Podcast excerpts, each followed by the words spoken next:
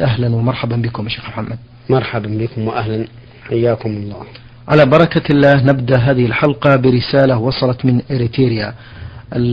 المستمع عثمان محمد عبد الله يسأل ويقول آه، بأنه المستمع يقول آه، بأنه دخل في عدة طرق من الطرق المتعددة وخرج منها. آه، سؤاله يقول هل ما ضاع من عمري في هذه الفترة والسيئات التي وقعت فيها محسوبة علي أم تمحى عني بتوبتي؟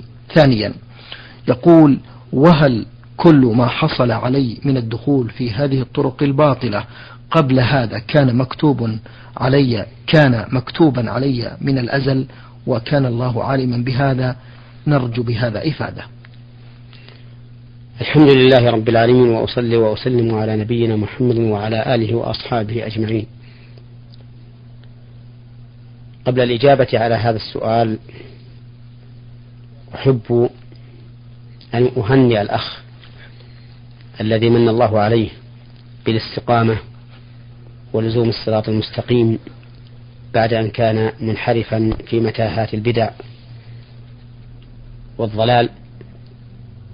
فإن هذا من نعم الله بل هو أكبر نعمة ينعم الله بها على العبد أن يتوب الله عليه. فيتوب إلى ربه ويقلع عن غيه إلى رشده. يقول الله عز وجل ممتنا على المؤمنين بمثل ذلك اليوم أكملت لكم دينكم وأتممت عليكم نعمتي ورضيت لكم الإسلام دينا. ويقول تعالى لقد من الله, لقد من الله على المؤمنين إذ بعث فيهم رسولا من أنفسهم يتلو عليهم آياته ويزكيهم ويعلمهم الكتاب والحكمة وإن كانوا من قبل لفي ضلال مبين. ويقول جل وعلا بل الله يمن عليكم أن هداكم للإيمان إن كنتم صادقين. فالهداية للإيمان من أكبر النعم بل هي أكبر نعمة أنعم الله بها على العبد. فأسأل الله تعالى أن يثبتني وإخوان المسلمين على دينه المستقيم. إنه جواد كريم. اللهم آمين. أما بالنسبة للجواب على سؤاله فإني أقول له إذا تاب الإنسان من أي ذنب كان فإن الله يتوب عليه ويمحو عنه سيئاته لأن الإسلام يهدم ما قبله والتوبة تجب ما قبلها. قال الله عز وجل قل يا عبادي الذين أسرفوا على أنفسهم لا تقنطوا من رحمة الله إن الله يغفر الذنوب جميعا. إنه هو الغفور الرحيم. وقال تعالى فمن تاب من بعد ظلمه وأصلح فإن الله يتوب عليه. إن الله غفور رحيم. وقال تعالى والذين لا يدعون مع الله إلها آخر ولا يقتلون النفس التي حرم الله إلا بالحق ولا يزنون. ومن يفعل ذلك يلقى أثاما يضاعف له العذاب يوم القيامة ويخلد فيه مهانا إلا من تاب وآمن وعمل عملا صالحا فأولئك يبدل الله سيئاتهم حسنات وكان الله غفورا رحيما. والنصوص في هذا كثيرة من كتاب الله وسنة رسوله صلى الله عليه وسلم. كلها تدل على أن الله إذا من على العبد بالتوبة النصوح فإن فإن الله يتوب عليه ويبدل سيئاته حسنات. إذا تاب وآمن وعمل عملا صالحا. فكل ما جرى عليك من اعتناق الطرق والمذاهب الهدامة والزيغ والضلال فإنه يمحى برجوعك إلى الحق. وأما الفقرة الثانية في السؤال وهي أن هذا الذي عمله هل كان مكتوبا عليه في الأزل وبعلم من الله عز وجل؟ فنقول نعم هو مكتوب عليه في الأزل. مكتوب عليه العمل السيء السابق ومكتوب له التوبة الأخيرة التي من الله بها عليه وكل ذلك بعلم من الله سبحانه وتعالى. يقول الله عز وجل ألم تعلم أن الله يعلم ما في السماء والأرض؟ إن ذلك في كتاب إن ذلك على الله يسير. ويقول جل ذكره وعنده مفاتح الغيب لا يعلمها إلا هو ويعلم ما في البر والبحر. وما تسقط من ورقة إلا يعلمها ولا حبة في ظلمات الأرض ولا رطب ولا يابس إلا في كتاب مبين. فعلم الله سبحانه وتعالى محيط بكل شيء جملة وتفصيلا. وهذا أمر متفق عليه بين علماء المسلمين والحمد لله. وهو أحد مراتب الإيمان بالقضاء والقدر فإن فإن للإيمان بالقضاء والقدر مراتب أربع. الأولى الإيمان بعلم الله المحيط بكل شيء جملة وتفصيلا بمعنى أن تؤمن بأن الله تعالى عالم بكل شيء جملة وتفصيلا ما كان وما لم يكن. والمرتبة الثانية أن تؤمن بأن الله كتب في اللوح المحفوظ مقادير كل شيء إلى أن تقوم الساعة. فإن الله سبحانه وتعالى يقول ألم تعلم أن الله يعلم ما في السماء والأرض؟ إن ذلك في كتاب إن ذلك على الله يسير. ولما خلق الله القلم قال له اكتب. قال وماذا أكتب؟ قال اكتب ما هو كائن. فجرى في تلك الساعة بما هو كائن إلى يوم القيامة. أما المرتبة الثالثة فهي الإيمان بعموم مشيئة الله أي, أي أن تؤمن بأن كل ما في الكون فهو واقع بمشيئة الله. لا يخرج عن مشيئته شيء لا من فعله ولا من فعل عباده. والنصوص في هذا كثيرة ومنها قوله تعالى ولو شاء الله ما اقتتل الذين من بعدهم من بعد ما جاءتهم البينات ولكن اختلفوا فمنهم من آمن ومنهم من كفر ولو شاء الله ما اقتتلوا ولكن الله يفعل ما يريد. فبين الله عز وجل أن اقتتال هؤلاء المختلفين كان بمشيئته وقال سبحانه وتعالى لمن شاء منكم أن يستقيم وما تشاءون إلا أن يشاء الله رب العالمين. وأجمع المسلمون على هذه الكلمة العظيمة. ما شاء الله كان وما لم يشاء لم يكن. فما في الكون شيء يحدث عدما أو وجودا إلا وهو بمشيئة الله سبحانه وتعالى. أما المرتبة الرابعة فهي الإيمان بعموم خلق الله أي أن تؤمن بأن كل ما في الكون فهو مخلوق لله عز وجل. لا في أعيانه ولا في أوصافه كما قال الله تعالى وخلق كل شيء فقدره تقديرا وقال تعالى الله خالق كل شيء وهو على كل شيء وكيل حتى العبد مخلوق لله تعالى بعينه وشخصه وبأوصافه وقواه الظاهرة والباطنة وبما ينشأ عن تلك القوى. فأفعال العبد مثلا مخلوقة لله باعتبار أن هذه الأفعال ناشئة عن قدرة في العبد وإرادة. والقدرة والإرادة من صفات العبد والعبد مخلوق لله فأوصافه كذلك مخلوقة له أي لله. فكما أن الأوصاف الخلقية الظاهرة مخلوقة لله فكذلك الأوصاف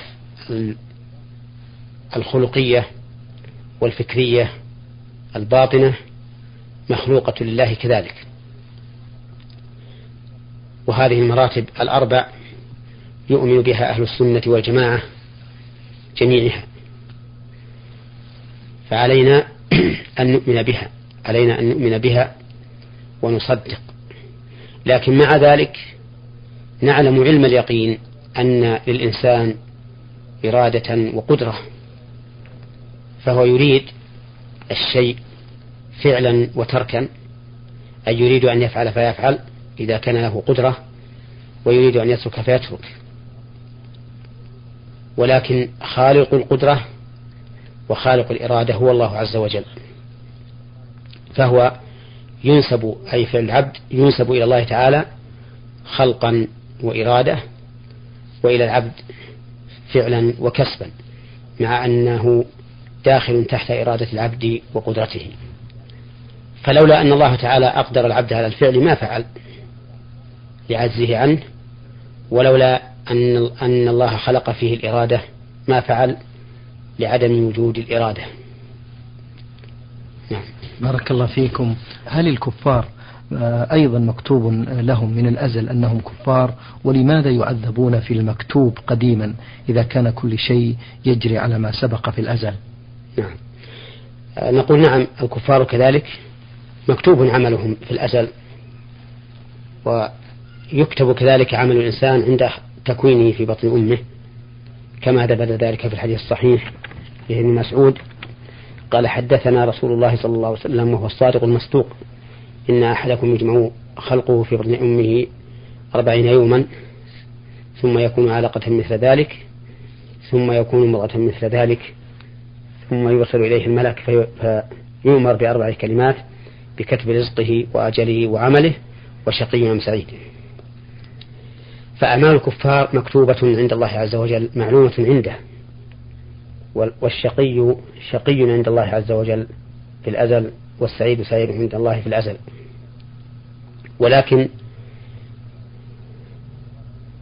يقول قائل كما أورد هذا السائل كيف يعذبون وقد كتب الله عليهم ذلك في الأزل فنقول إنهم يعذبون لأنهم قد قامت عليهم الحجة وبين لهم الطريق فأرسلت الرسل وأنزلت الكتب وبين الهدى من الضلال ورغبوا في سلوك طريق الهدى, الهدى وحذروا من سلوك طريق الضلال. ولهم عقول ولهم إرادات ولهم اختيارات. ولهذا نجد هؤلاء الكفار وغيرهم أيضا يسعون إلى مصالح الدنيا بإرادة واختيار. ولا تجد, ولا تجد أحدا منهم يسعى إلى شيء يضره في دنياه ويقول إن هذا مكتوب علي أبدا.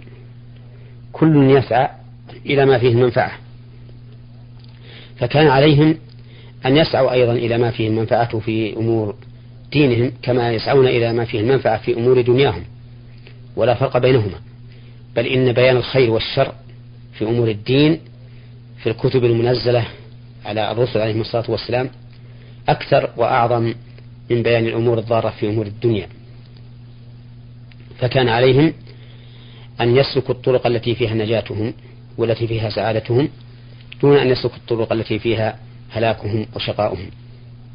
ثم نقول هذا الكافر حين أقدم على الكفر لا يشعر أبدا أن أحدا أكرهه بل هو يشعر أنه فعل ذلك بإرادته واختياره. فهل كان حين إقدامه على هذا الكفر هل كان عالما بما كتب الله له؟ والجواب لا. لأننا نحن لا نعلم بأن الشيء قد كتب إلا بعد أن يقع. أما قبل أن يقع فإننا لا نعلم ماذا كتب لأنه من علم الغيب. فنقول لهذا الكافر لماذا لم تقدر أن الله سبحانه وتعالى كتب لك السعادة وتؤمن؟ فإن الآن أنت قبل أن تقع في الكفر أمامك شيئان هداية وضلال. فلماذا لا تسلك طريق الهداية؟ مقدرا أن الله تعالى كتبه لك. لماذا تسلك طريق الضلال؟ ثم بعد أن تسلكه تحتج بأن الله تعالى كتبه. لأن نقول لك قبل أن تدخل في هذا الطريق هل عندك علم أنه مكتوب عليك؟ سيقول لا. ولا يمكن أن يقول نعم. فإذا قال لا قلنا إذن لماذا لم تسلك طريق الهداية؟ وتقدر أن الله تعالى كتب لك ذلك. ولهذا يقول الله عز وجل فلما زاغوا أزاغ الله قلوبهم ويقول عز وجل فأما من أعطى واتقى وصدق بالحسنى فسنيسره لليسرى وأما من بخل واستغنى وكذب بالحسنى فسنيسره للعسرى. ولما أخبر النبي عليه الصلاة والسلام أصحابه بأنه ما من أحد إلا وقد كتب مقعده من الجنة ومقعده من النار قالوا يا رسول الله أفلا ندع العمل ونتكل على الكتاب؟ قال لا اعملوا فكل ميسر لما خلق له. ثم قرأ قوله تعالى فأما من أعطى واتقى إلى قوله فسنيسره لليسرى فأما من أعطى واتقى وصدق بالحسنى فسنيسره لليسرى وأما من بخل واستغنى وكذب بالحسنى فسنيسره لليسرى فهذا جوابنا على هذا السؤال الذي أورده هذا السائل. وما أكثر من يحتج به من أهل, من أهل الضلال وهو عجب منهم. لأنهم لا يحتجون بمثل هذه الحجة على مسائل الدنيا أبدا بل تجدهم يسلكون في مسائل الدنيا ما هو أنفع لهم. ولا يمكن لأحد أن يقال له هذا الطريق الذي أمامك طريق وعر صعب فيه لصوص وفيه سباع وهذا الطريق الثاني طريق سهل ميسر آمن. لا يمكن لأحد أن يسلك الطريق الأول ويدع الطريق الثاني. مع أن هذا نظير الطريقين طريق النار وطريق الجنة. فالرسل بينت طريق الجنة وقالت هو هذا وبينت طريق النار وقالت هو هذا وحذرت من الثاني ورقبت في الأول. ومع ذلك فإن هؤلاء العصاة يحتجون بقضاء الله وقدره وهم لا يعلمونه على معاصيه. نعم. بارك الله فيكم. آه أيضا من أسئلة المستمع من أرتيريا المسلمة يقول هل هذا مكتوب أيضا أن فلان يتزوج فلانة مثلا؟ لا غيرها. ويحصل له ذلك حتما؟ أم أن هناك يدخل اختيار الإنسان للمرأة التي تعجبه ويدع الأخرى؟ فمثلا يقول أجبرني والدي على الزواج من بنت عمي دون اختياري. ولكن بعد المعاشرة وجدتها من خيرة النساء التي تطلب من المرأة وغيرت الكراهية حبا جما. والآن أنا نادم كلما أتذكر كراهيتي لها سابقا. آه، هل, هل الله سبحانه وتعالى كتب علي أنني أتزوج بها وتحصل هذه الكراهية ثم أحبها؟ نعم. أقول إن كل ما وقع في الكون فهو مكتوب كما أسلفنا في أول الكلام. نعم. وتغير الأمر أو تغير الحال من شيء إلى شيء هو أيضا مكتوب. وكون الإنسان يتزوج فلانة دون فلانة هو أيضا مكتوب. ونحن نرى أن بعض الناس يعزم العزم الأكيد على أن يفعل هذا الفعل ثم بعد ذلك ينثني عزمه من ذات نفسه أو ينثني عزمه بمشورة أحد من الناس أو يكون على عزمه ولكن يحال بينه وبينه بموانع ليست تحت إرادته. فمثل هذا يكون هذا الشيء الذي كان عازما عليه لم يقدر له فلا يحصل له. وأحيانا يعزم الإنسان على الترك ترك شيء ما ثم لا يدري إلا وقد انصب انصبت إرادته إلى فعله. وتيسر له الوصول إليه. إما من ذات نفسه وإما بمشورة أحد من الناس وإما برؤية أمور تدعوه إلى أن يحصل على هذا الشيء. وهذا كثير واضح. حتى إن الإنسان أحيانا يخرج من بيته قاصدا شخصا معينا ليزوره. وفي أثناء الطريق يذكر شيئا آخر أهم, أهم منه ثم ينصرف عن القصد الأول إلى القصد الثاني. أو في أثناء الطريق يعني ينفك أو ينفل حزمه عزمه عن الذهاب إلى هذا الرجل ويرجع بدون أي سبب. كل هذا يدل على أن الأمور مكتوبة عند الله عز وجل. ولهذا قيل لأعرابي بما عرفت ربك؟ بما عرفت ربك يعني بأي شيء عرفت الله عز وجل بأي أثر تستدل به على الله؟ قال بنقض العزائم وصرف الهمم. يعني أن الإنسان قد يعزم العزيمة الأكيدة ثم لا يدري إلا وقد انتقض عزمه بأي بدون أي سبب. ويذهب أو يذهب همه واهتمامه بالشيء ثم لا يدري إلا وقد صرف. عن هذا الشيء. والمهم أنه يجب أن تعلم أن كل ما وقع فإنه مكتوب عند الله على الصفة التي وقع عليها. لا يتقدم ولا يتأخر ولا يزيد ولا ينقص. قال الله تعالى عالم وكل شيء عنده بمقدار. كل شيء عند الله تعالى بمقدار. حتى زخات المطر مكتوبة عند الله تعالى ومقدرة. وما من شيء إلا وهو واقع على حسب تقدير الله سبحانه وتعالى. نعم. آمنا بالله. أه نختم رسالة المستمع عثمان محمد من إرتيريا المسلمة بهذا السؤال.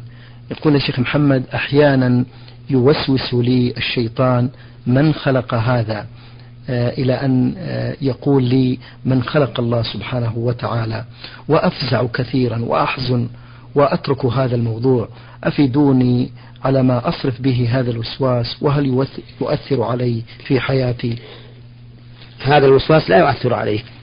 وقد أخبر به النبي عليه الصلاة والسلام أن الشيطان يأتي للإنسان فيقول من خلق كذا من خلق كذا إلى أن يقول من خلق الله. وأعلمنا رسول الله صلى الله عليه وسلم بالدواء الناجع وهو أن نستعيذ بالله من الشيطان الرجيم وننتهي عن هذا. فإذا طرأ عليك هذا الشيء وخطر ببالك فقل أعوذ بالله من الشيطان الرجيم وانتهي عنه وأعرض إعراضا كليا وسيزول بإذن الله. آه رسالة وصلت من الطائف المستمع آه رمز لاسمه بصاد عين حاء. يقول بأنه يرغب في أداء العمرة ولكن لا يستطيع لبس الإحرام لأنه معاق ومشلول. فضيلة الشيخ أرجو الفتوى هل أستطيع العمرة بثيابي وهل علي كفارة؟ نعم. إذا كان الإنسان لا يستطيع أن يلبس ثياب الإحرام فإنه يلبس ما يقدر عليه من اللباس الآخر وعليه عند أهل العلم إما أن يذبح شاة يفرقها على الفقراء أو يطعم ستة مساكين لكل مسكين نصف صاع أو يصوم ثلاثة أيام. هكذا قال أهل العلم قياسا على ما جاء في حلق شعر الرأس حيث قال الله تعالى ولا تحلقوا رؤوسكم حتى يبلغ الهدي محلة فمن كان منكم مريضا أو به أذى من رأسه ففدية من صيام أو صدقة أو نسك.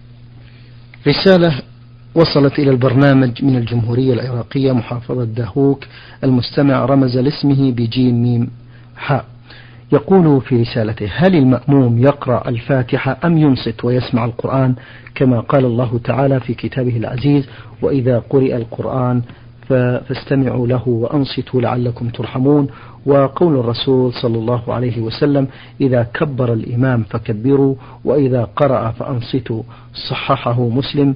وعلى هذا يحمل حديث من كان له إمام آه، فقراءة الإمام له قراءة أي أن قراءة الإمام له قراءة في الصلاة الجهرية.